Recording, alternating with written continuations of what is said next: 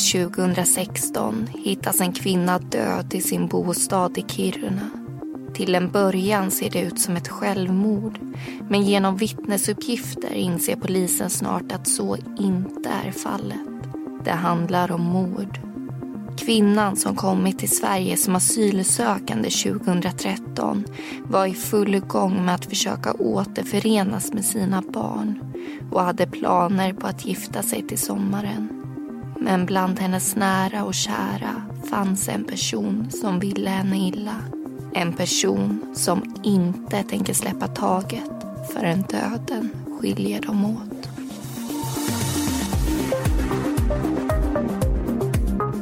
Du lyssnar på Mordpodden och i säsong 3 tar vi upp fall från Lappland och Norrbotten. Och i veckans avsnitt ska du få höra berättelsen om asylmordet i Kiruna.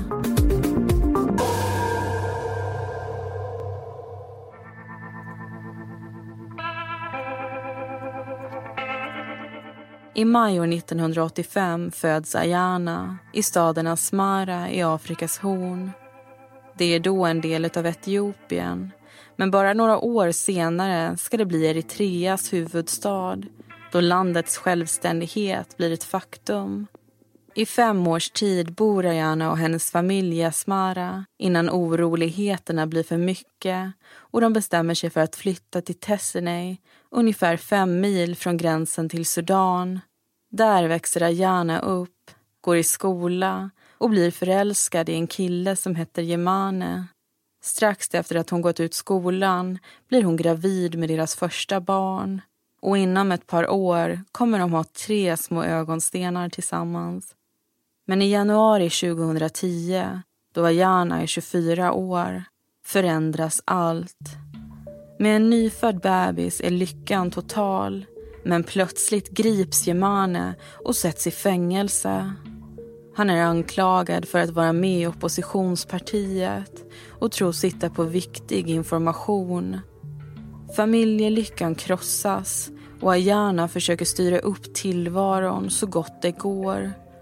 Hon tar hand om barnen, går i kyrkan och arbetar som frisör för att försörja sig själv och sin familj. Men militärmännen som gripit Jemane tror också att Ayana kanske vet något. Vid flera tillfällen dyker de upp och frågar henne om möten som ska ha ägt rum vilka personer som varit och besökt henne och om det finns några dokument undangömda någonstans. Barnen blir rädda och Ayana också. Hon förstår att tålamodet sinar i och med varje besök som inte ger något och hon börjar oroa sig för att även hon ska hamna i fängelse. I juni 2011 bestämmer sig Ayana för att fly. Trakasserierna från militären har gjort det nästintill omöjligt för henne att försörja sig och hon tar därför hjälp av en smugglare för att ta sig över gränsen och in i Sudan. Därifrån är det möjligt att ta sig vidare. Barnen lämnar hon hos sina och Jemanes föräldrar då hon tvingas inse att de är för små för den osäkra resan som väntar. Den 27 juni kliver hon till fots över gränsen till Sudan där hon grips av gränspolisen. Men istället för att köra tillbaka henne till Eritrea tar de pengarna hon har på sig och skjutsar henne till en närliggande stad. Därifrån fortsätter Ayana själv sin resa till Sudans huvudstad, Khartoum. Längre kommer hon inte innan hennes mamma hinner ifatt henne med dåliga nyheter. Ayanas ena dotter har dött efter en tids sjukdom.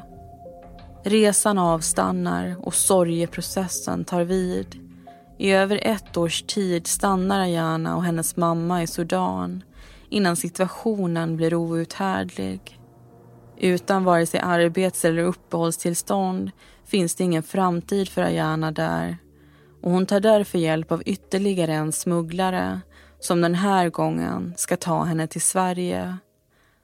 Efter en mellanlandning i Istanbul passerar 27-åriga Ayana gränsen till Sverige i november 2012. I det kalla och skogstäta landet hoppas hon kunna finna en ny framtid för sig själv och för sina barn som hon förhoppningsvis snart ska kunna återförenas med. I januari 2013 ansöker Ayana om asyl hos Migrationsverket. Hon beviljas ett permanent uppehållstillstånd och får en ny hemstad, Kiruna. Under tiden som månaderna passerar lär sig Ayana svenska och söker jobb. I juni samma år får hon napp och börjar arbeta i en sportbutik i staden. Hennes nya chef ordnar dessutom en lägenhet i anslutning till butiken. Det har tidigare använts som ett personalrum men görs nu om för att Ayana ska kunna bo där. Bostaden består av två rum och ett kök. Det ena används som sovrum medan det andra tidigare fungerat som omklädningsrum. I lägenheten finns också ett badrum och ett rum som innehåller en dusch och en bastu. Ayana bor snabbt in sig i den nya bostaden och finner en vän i en kvinna hon träffar i kyrkan. Rava och hennes make David blir snart två av Ayanas närmaste vänner. Och ett år senare träffar hon ytterligare en person, Kelile.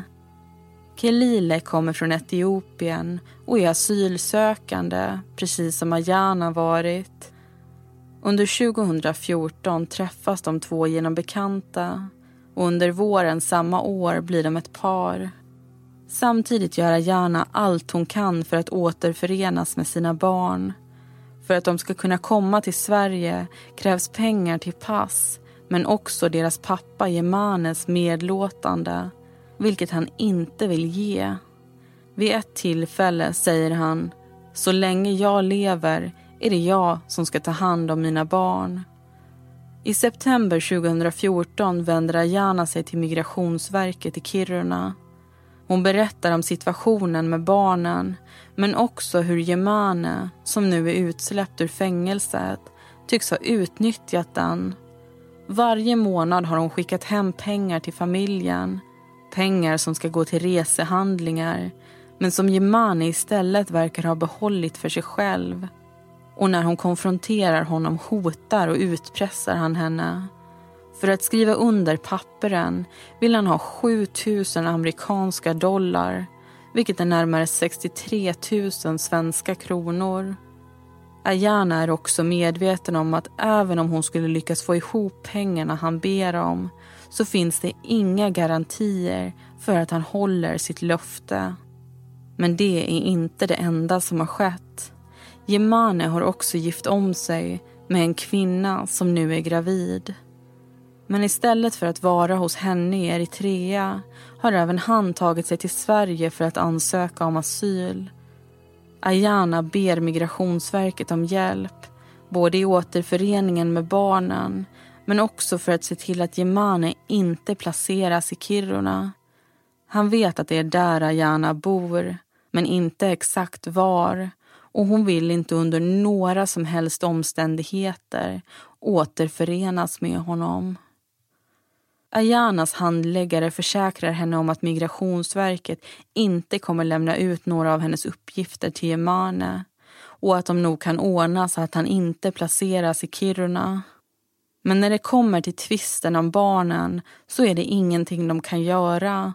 Istället råder handläggaren Ayana att själv kontakta Jemane och försöka prata med honom. Handläggaren uppmanar också Ayana att polisanmäla exmaken för hot och utpressning om problemen skulle kvarstå.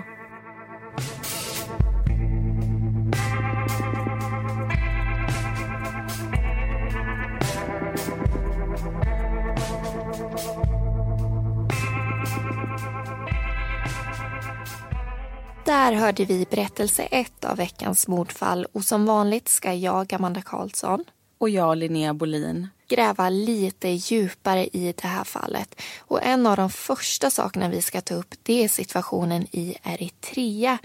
Jag tycker man får höra ganska mycket om Syrien, om Afghanistan, om Pakistan. Men när det kommer till Afrika tycker jag det mest pratas om svält och fattigdom men inte så mycket om oroligheterna där egentligen. Mm. Men Linnea, du har ju undersökt det här lite närmare. Vad kan du berätta om landet? Som, eh, som vi nämnde i berättelsen så blev ju Eritrea självständigt från Etiopien 1993. Och då hade ju ett krig för den här frigörelsen pågått i mer än 30 år. Mm. Och då kanske man tänker att nu ska den här situationen äntligen lugna ner sig. Men eh, det blir ju inte riktigt så. För Eritrea blir ju istället en av de hårdaste diktaturerna i världen. Och på grund av torka och den här långvariga konflikten så påverkas ju också ekonomin i landet och landet är ett av Afrikas fattigaste. Mm. Och jag kan ibland uppleva att det pratas mycket om att människor flyr hit. Att det är många som flyr hit och hur det påverkar oss här. Mm. Men det pratas inte lika mycket om varför människor flyr och vad det är de faktiskt flyr ifrån. Och att det flyr många människor från just Eritrea det har väl mest med militären att göra om jag förstått det rätt. Precis. För trots att kriget mellan Eritrea och Etiopien är över så är det ju fortfarande mycket oroligheter i landet. Och man satsar väldigt mycket på sin militär och där ingår också en värnplikt för både män och kvinnor. Och det här är någonting som har uppmärksammats väldigt mycket av bland annat Amnesty International. De beskriver den här värnplikten som slavarbete. Människor värvas innan de har fyllt 18 år. De betalas usla löner och de är i princip bundna till militären så länge militären har användning för dem. Och ovanpå det här så är det dåliga levnadsförhållanden, tortyr rapporteras och kvinnor utsätts ofta för sexuella övergrepp också. Men anledningen till att Ayana inte blir värvad det är väl för att hon blir gravid strax efter att hon gått ut skolan. Ja, precis. Men i samma veva så är det ju också flera av hennes vänner som tvingas fly för att undvika just det här ödet. Mm. Och det är ju så Ayana också kommer i kontakt med de här smugglarna själv som senare också skulle hjälpa henne. Och anledningen till att man måste smugglas ut ur landet just det är för att Eritreas regering de har reserestriktioner för alla människor mellan 5 och 50 år. Mm -hmm. Det vill säga att det är nästan till omöjligt att på laglig väg lämna det här landet. Och när man har all den här informationen så är det ju inte svårt att förstå Ayanas beslut att lämna Eritrea och försöka få en, en bättre framtid för sig själv och för sin familj. Och när vi ändå är inne på hennes flykt så tycker jag vi ska berätta mer om den här asylprocessen som hon går igenom när hon tagit sig till Sverige. Ja, jag är faktiskt väldigt nyfiken på hur den här processen går till. Kan inte du berätta lite mer om det? Liksom, hur hade det sett ut om jag sökte asyl i Sverige? Om du hade sökt asyl i Sverige? Mm. Jo, men det börjar med en så kallad asylutredning där du får besöka Migrationsverket och under ungefär två, tre timmar berätta lite om dig själv. Var du kommer ifrån, varför du har flytt från ditt land och varför du anser att du inte kan åka tillbaka. Och du får också visa upp din identitetshandling och svara på en hel del detaljfrågor. Och sen sammanställs alla de här uppgifterna i ett protokoll. Ja, och sen startar väl den här utredningen som ska ge svar på om jag får stanna eller inte. Mm. Hur, eh, hur fungerar den? Jo, men till att börja med så jämför man det som du har berättat i din asylutredning med den informationen som Migrationsverket har om situationen i det landet som du flyr ifrån. Alltså, stämmer det verkligen det du säger? Mm. Och därefter tittar man på tre punkter eller grunder som finns för asyl. Och den första är att du är flykting och riskerar att bli utsatt för förföljelse i ditt land på grund av till exempel ras, religion eller politisk uppfattning. Och här ska vi också säga räknas man också in om man flyr från ett krig. Mm. Men om man inte uppfyller de här kraven då kan man alltså fortfarande få asyl i Sverige? Ja. Nästa punkt heter alternativ och övrigt skyddsbehövande. Och för att räknas in där kan det vara så att du till exempel riskerar tortyr, dödsstraff eller någon annan omänsklig behandling om du då återvänder till ditt land. Men det kan också bero på att du löper en allvarlig risk för att skadas om du återvänder till ett land med oroligheter eller att du inte kan återvända på grund av en naturkatastrof.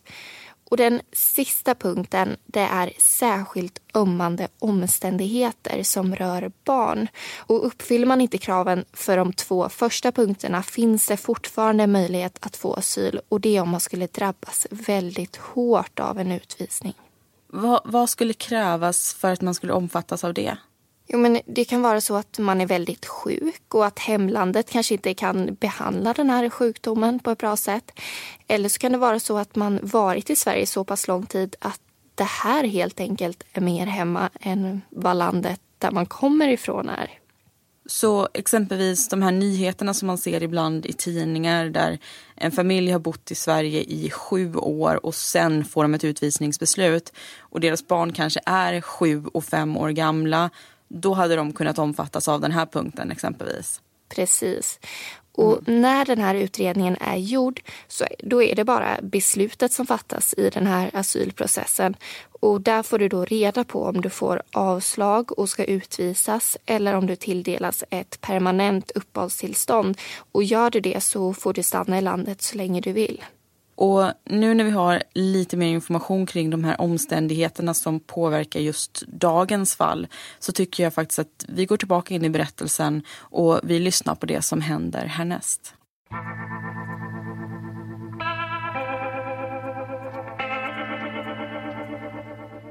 Ayana och pojkvännen Kelile fortsätter att umgås de nästkommande två åren. Kelile har en plats på en flyktinganläggning i närheten men tillbringar mycket av sin tid i Ayanas lägenhet. Men relationen är inte problemfri. Vännerna Rava och David kan inte undvika att se hur stormigt deras förhållande är. Paret bråkar ofta, både om det ena och det andra och det slutar ofta med att de sover på varsitt håll. Någon dag efter deras bråk är allting till synes bra igen. Men vännerna oroar sig för att det inte är hela sanningen.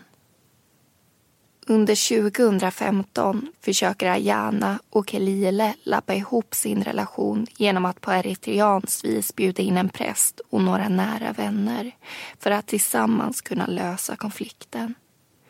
Vid sju, åtta tillfällen träffas de alla i ett försök att medla mellan Ayana och Kelile. Men bråken fortsätter, trots försöken. I december samma år ringer Ayana till Rava och frågar om hon får komma över. Hon pratar snabbt och Rava blir orolig för vännen. När Ayana kommer fram är hon både ledsen och rädd. Hon berättar att hon och Kalile bråkat igen men den här gången har det gått överstyr. Hon visar upp ett blåmärke på insidan av underarmen och säger att det är Kelile som gjort henne illa. På armen går också att se ett mörkt ärr som Ayana berättar kommer från en kniv. Till Rava säger hon att Kelile skurit henne där och att han vid ett annat tillfälle försökt kväva henne med en kudde. Ayana berättar hur rädd hon var i det ögonblicket hur hårt hon höll i sin belock runt halsen och bad och hur rädd hon fortfarande är för pojkvännen. Strax innan nyår kommer Kalile på besök för ytterligare ett medlande möte. Men Ayana är inte på ett förlåtande humör. Hon berättar vad hon tycker och tänker om honom. Att Kalile är lat, att han aldrig städar eller lagar mat och att han kallat henne för idiot. Kelile förnekar att han någonsin sagt det till Ayana. Men när hon drar fram sin telefon och visar ett meddelande som motbevisar honom blir han så arg att det inte går att prata med honom och medlingen måste avbrytas. I slutet av 2015 får Kelile avslag på sin asylansökan och i februari 2016 kommer ett utvisningsbeslut. Kelile har därmed fyra veckor på sig att lämna landet frivilligt. Gör han inte det blir det upp till polisen att verkställa beslutet. Samtidigt som Kalile tacklas med det svidande avslaget fortsätter Ayana att bo hos Rava och David. Kelile och Ayana har dock fortfarande kontakt med varandra och både träffas och pratar i telefon. Trots bråken och Ayanas flytt till vännerna är relationen inte över. Ayana älskar Kelile och det är honom hon ser i sin framtid. Att vägen dit inte är spikrak betyder bara att framtidsplanerna måste justeras. Datumet då Kelile måste lämna Sverige kommer och går utan att han åker någonstans. Hans rum på flyktingförläggningen upphör dock och han flyttar därför in i Ayanas lägenhet. I april 2016 åker Rava och David på semester och när de återvänder i mitten av maj bor Ayana och Kelile tillsammans igen. Men problemen är inte över. Under försommaren diskuterar Ayana och Kelile ett kalas som blivit inbjudna till. Ett bråk drar igång och Kelile bestämmer sig för att låsa in Ayana i bostaden och gömma nyckeln. Hon ber honom att öppna, men han vägrar. Efter ett tag låtsas Ayana ta emot ett samtal från någon som behöver hennes hjälp och Kelile låser äntligen upp dörren.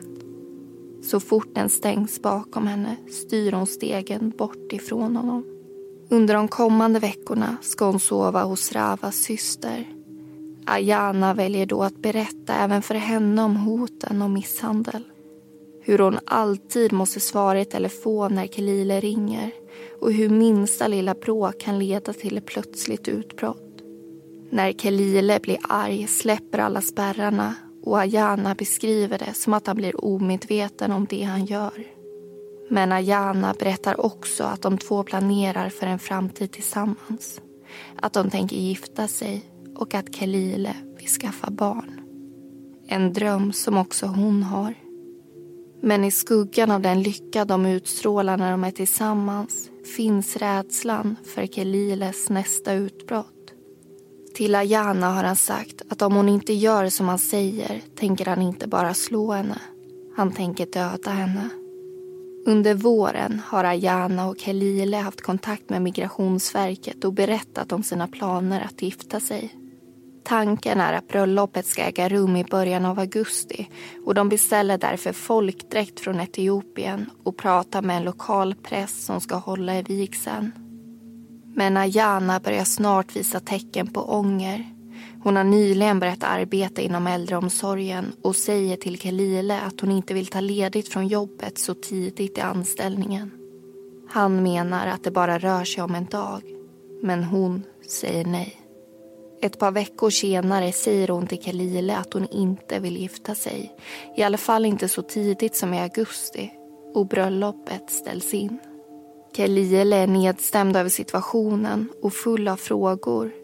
Med ett utvisningsbeslut och ett inställt bröllop hängandes över sig känns allt hopplöst.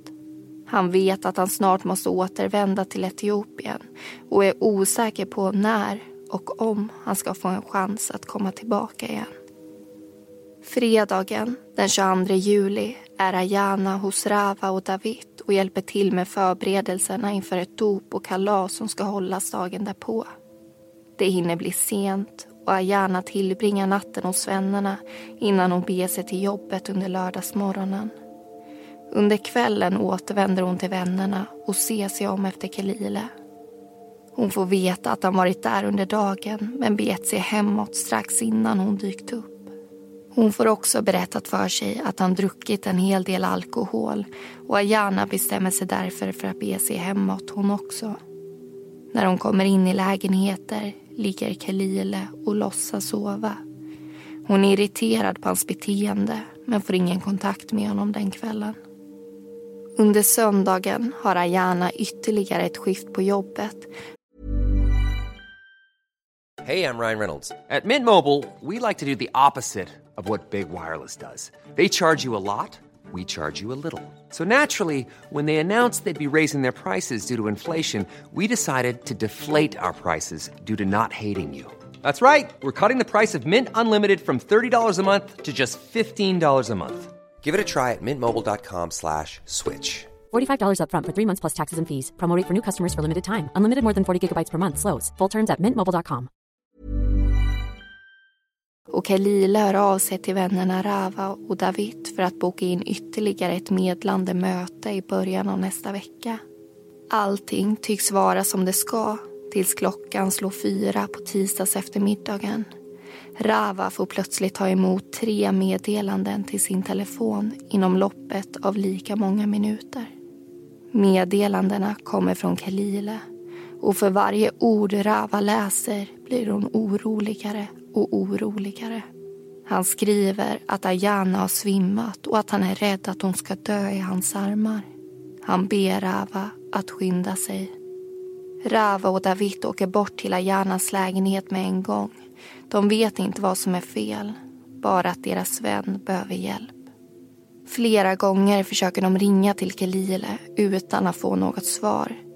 När de kommer fram till bostaden inser de att ytterdörren är låst och att ingen svarar när de ropar. Varken Ayana eller Kelile skymtas någonstans.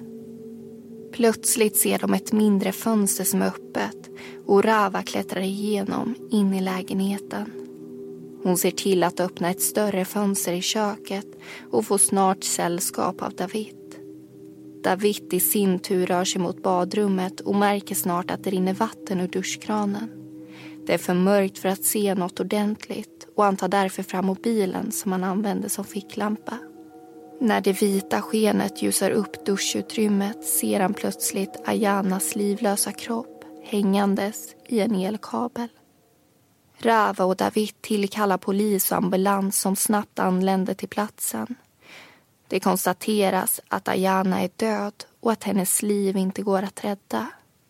Poliserna ser sig om i lägenheten och försöker bilda sig en uppfattning kring vad som har hänt. Flera saker tyder på att det är ett självmord som har begåtts, bland annat den låsta lägenhetsdörren. Polisen skär därför ner kroppen och begär dit en bårbil. Men innan de åker därifrån pratar de också med David som förklarar hur det kom sig att han och hans fru visste att något var fel. Han berättar om de märkliga meddelandena som skickas från Ayanas pojkvän och före detta fästman. Och därmed ändras misstankarna till mord. Polisen börjar kartlägga människorna i Ayanas närhet för att se vem som haft tillfälle och motiv att mörda henne. Bara någon dag efter att Ayana hittas död dyker hennes före detta man, Jemane, upp i Kiruna. Polisen inleder ett förhör med honom och frågar bland annat hur han visste att hon dött. Jemane berättar att han fått höra det genom en vän och att han åkt till Kiruna för att sörja. Han har inte sett Ayana på fem år sedan de bodde i Eritrea och den senaste kontakten på telefon var året innan. Tvisten om barnen hade gjort att de inte längre kom överens. Jemane kan därmed ha haft ett motiv att döda Ayana men tillfälle tycks inte ha funnits. Han berättar att han befunnit sig i Eskilstuna under dagen då Ayana bragts om livet. Som stöd har han en tågbiljett och sin rumskamrats iakttagelser. Men han berättar också om något intressant han hört under sin tid i Kiruna. Ett rykte som pekade ut Ayanas pojkvän Kelile som hennes mördare. Och som också säger att han flytt ur landet.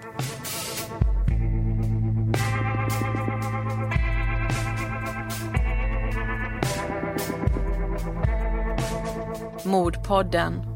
Vi tar upp såväl historiska som nutida fall och allting är på riktigt.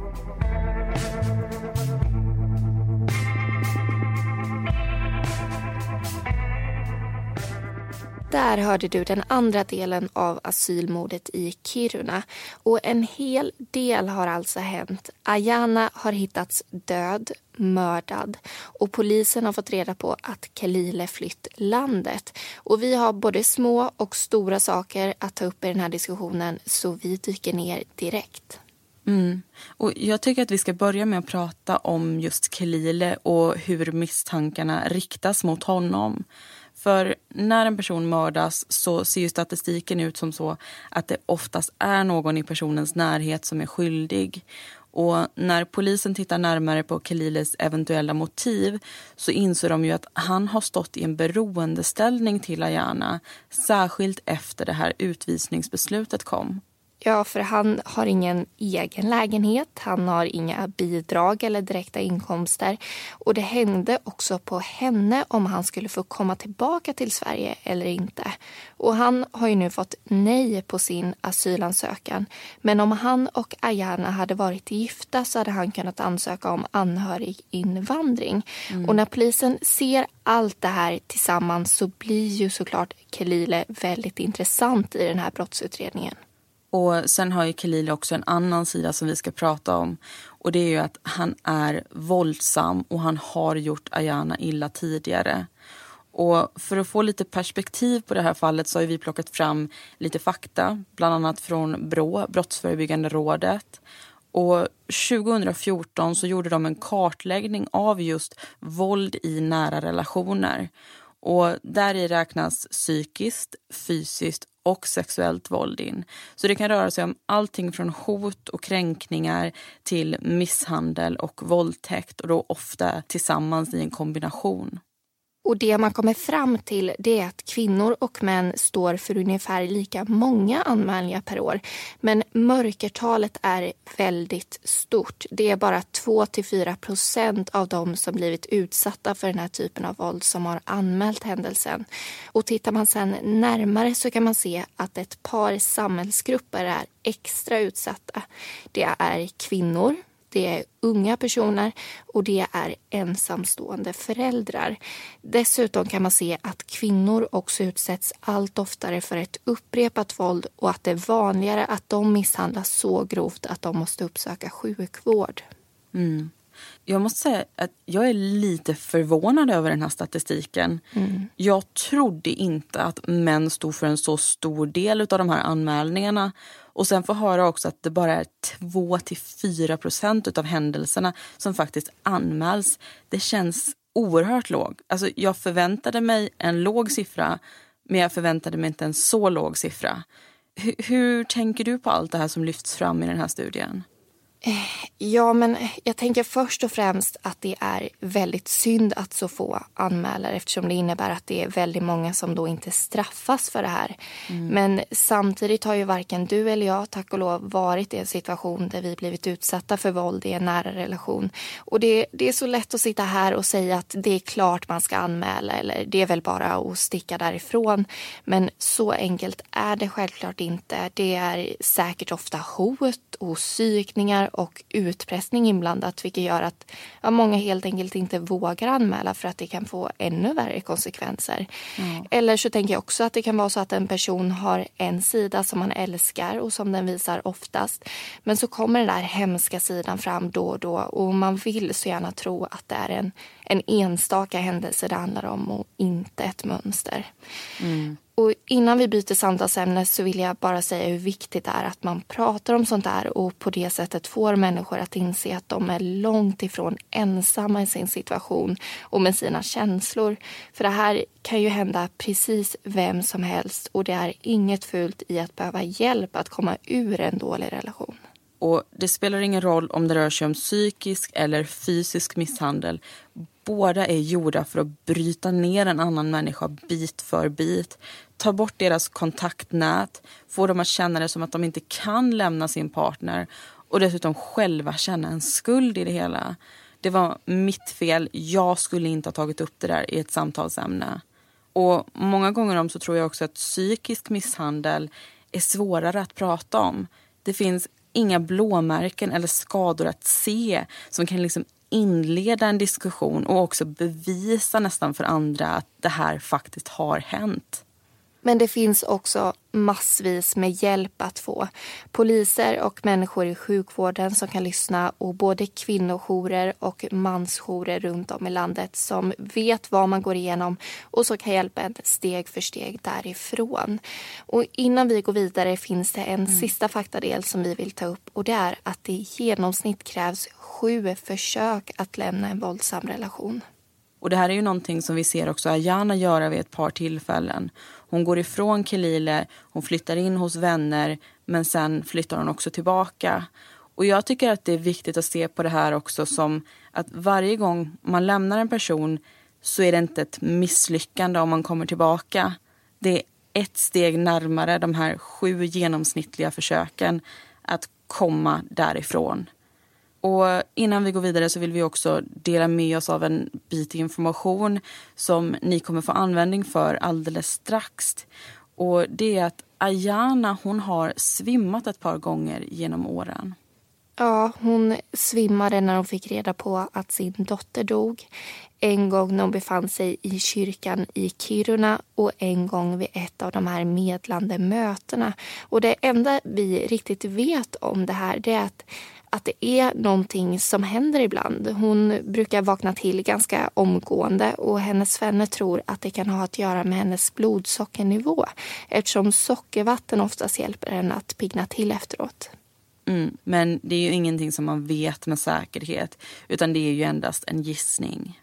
Och vi ska alldeles strax hoppa tillbaka in i berättelsen igen.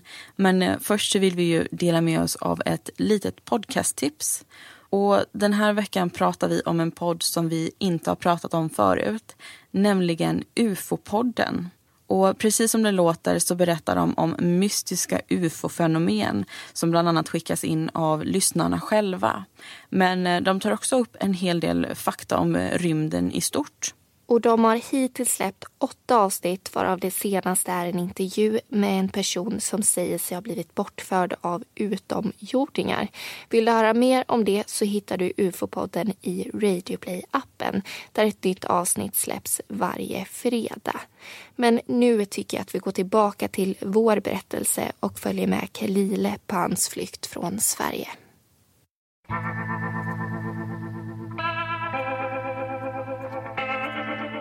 Runt klockan fem på måndagsmorgonen den 25 juli sätter sig Kelile på ett tåg på väg mot Luleå. Med sig har han en väska som bland annat innehåller en surfplatta, ett par mobiltelefoner, ett ID-kort och ett bankkort. Samtliga tillhör Ayana. När han kommer fram till Luleå stiger han av tåget och kliver på en buss som ska ta honom till Umeå. Där fångas han på bild vid en kortautomat när han gör ett uttag från Ayanas konto. Sen väntar fler resor och anhalter. Göteborg, Malmö, Köpenhamn, Hamburg och slutligen Frankfurt dit han anländer under onsdagen den 27 juli tidigt på morgonen. Han tar in på ett hotell och börjar höra av sig till ett par vänner. Bland annat David som bara dagen innan varit med och funnit Ayanas kropp efter att ha läst Keliles meddelanden. Meddelanden han skickat långt efter att han lämnat Kiruna bakom sig. Då David pratar med Kelile ser han till att spela in samtalet. Han försöker också få sin vän att inse allvaret i situationen och att självmant ta kontakt med polisen. Senare samma dag gör Kelile som David uppmanat och uppger sig själv till den tyska polisen. En husrannsakan genomförs av hans hotellrum i Frankfurt och hans tillhörigheter tas i beslag.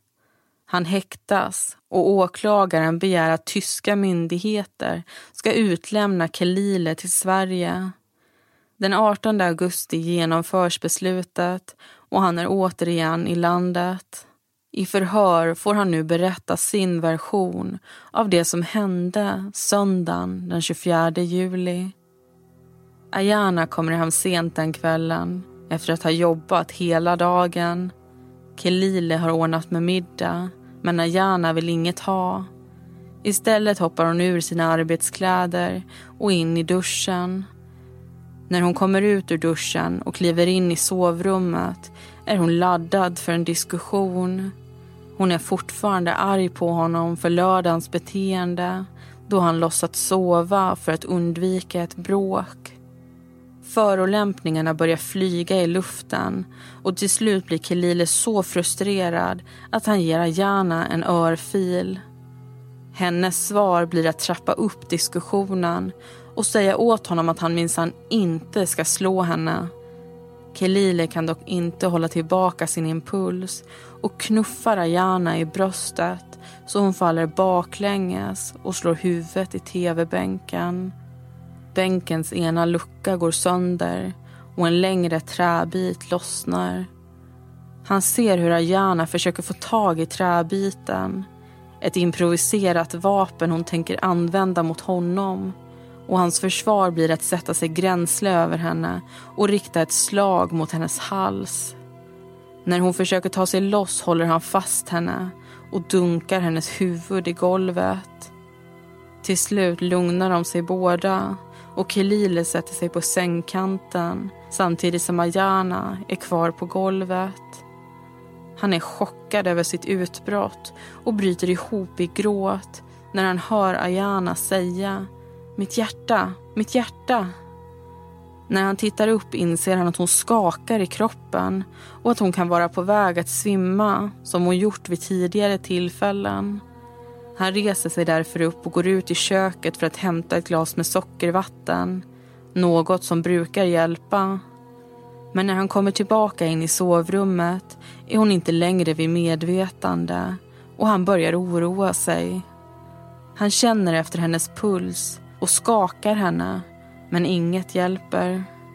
Han drar in henne i duschutrymmet för att se om vattnet kan väcka henne. Men han tvingas snart inse att det redan är för sent. Istället för att ringa till polisen bestämmer han sig för att få det hela att se ut som ett självmord. Därför hämtar han en förlängningssladd i vardagsrummet, lindar den runt hennes hals, fäster den i duschanordningen och flyr från platsen. I förhörsrummet lyssnar förhörsledaren till Keliles berättelse. En berättelse som hela tiden ändras när nya bevis eller vittnesmål läggs fram. Man förstår att mannen inte berättat hela sanningen och försöker gång på gång få honom att upprepa händelseförloppet. Men de kommer bara några frågor in innan Kelile blir upprörd. Han säger att han berättat allt som skett och att han nu bara vill ha sitt straff. Men det är inte så det fungerar. Omständigheterna måste redas ut flera gånger om och från minsta detalj. Var låg förlängningssladden när Kelile hittade den? Var lamporna tända eller släckta när han lämnade lägenheten? Och varför försökte han få det att se ut som ett självmord? Frågorna är många, men syftet detsamma.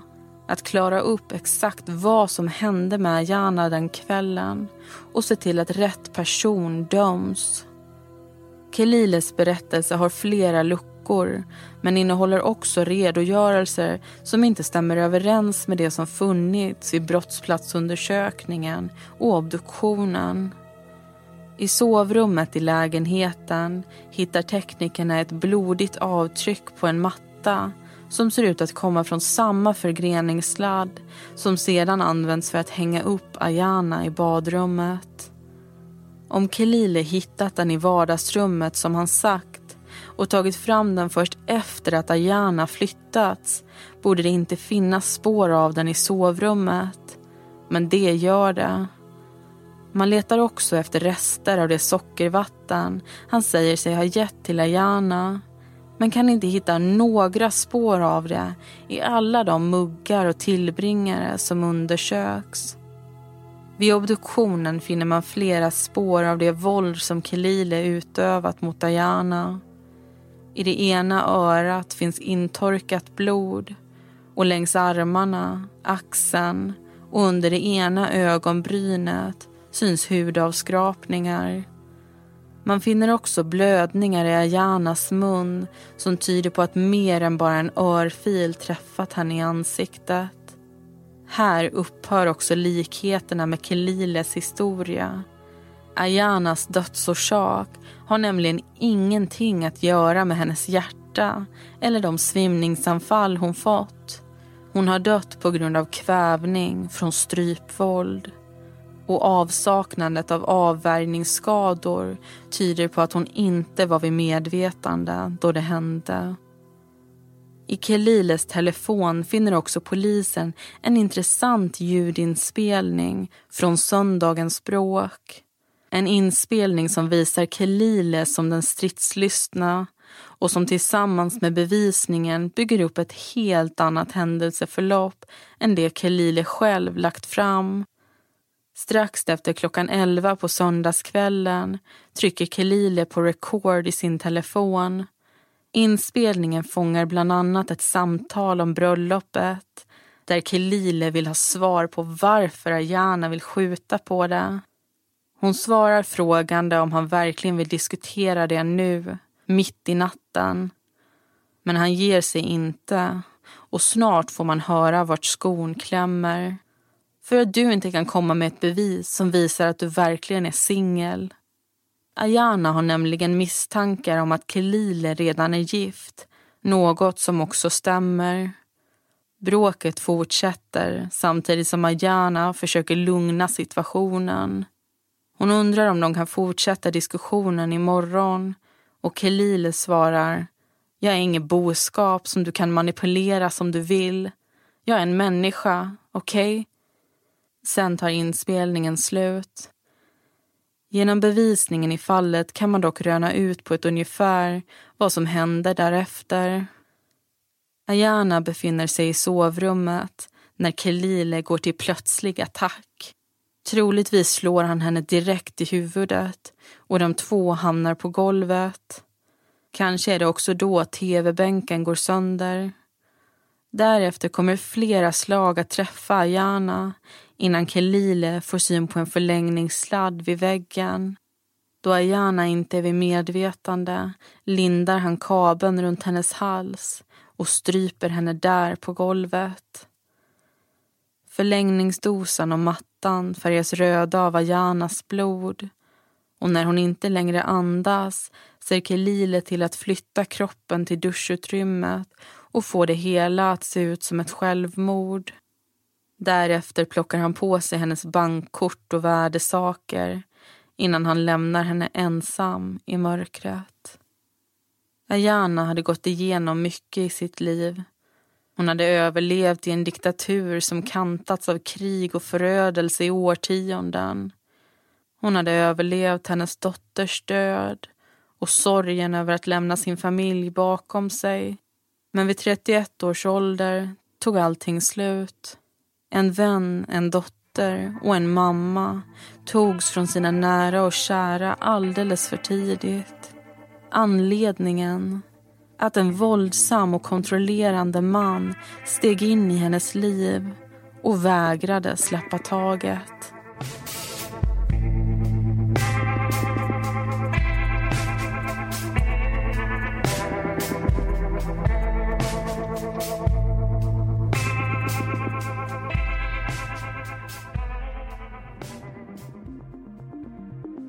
Keliele dömdes i Gällivare tingsrätt till 14 års fängelse och livstidsutvisning för mord på Ayana.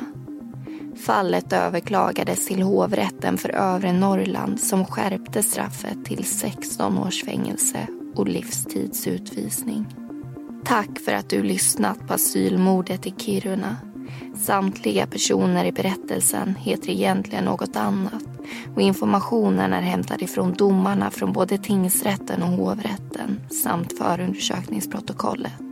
Nästa vecka är det säsongsfinal och vi kommer då berätta om trippelmordet i Åmsele.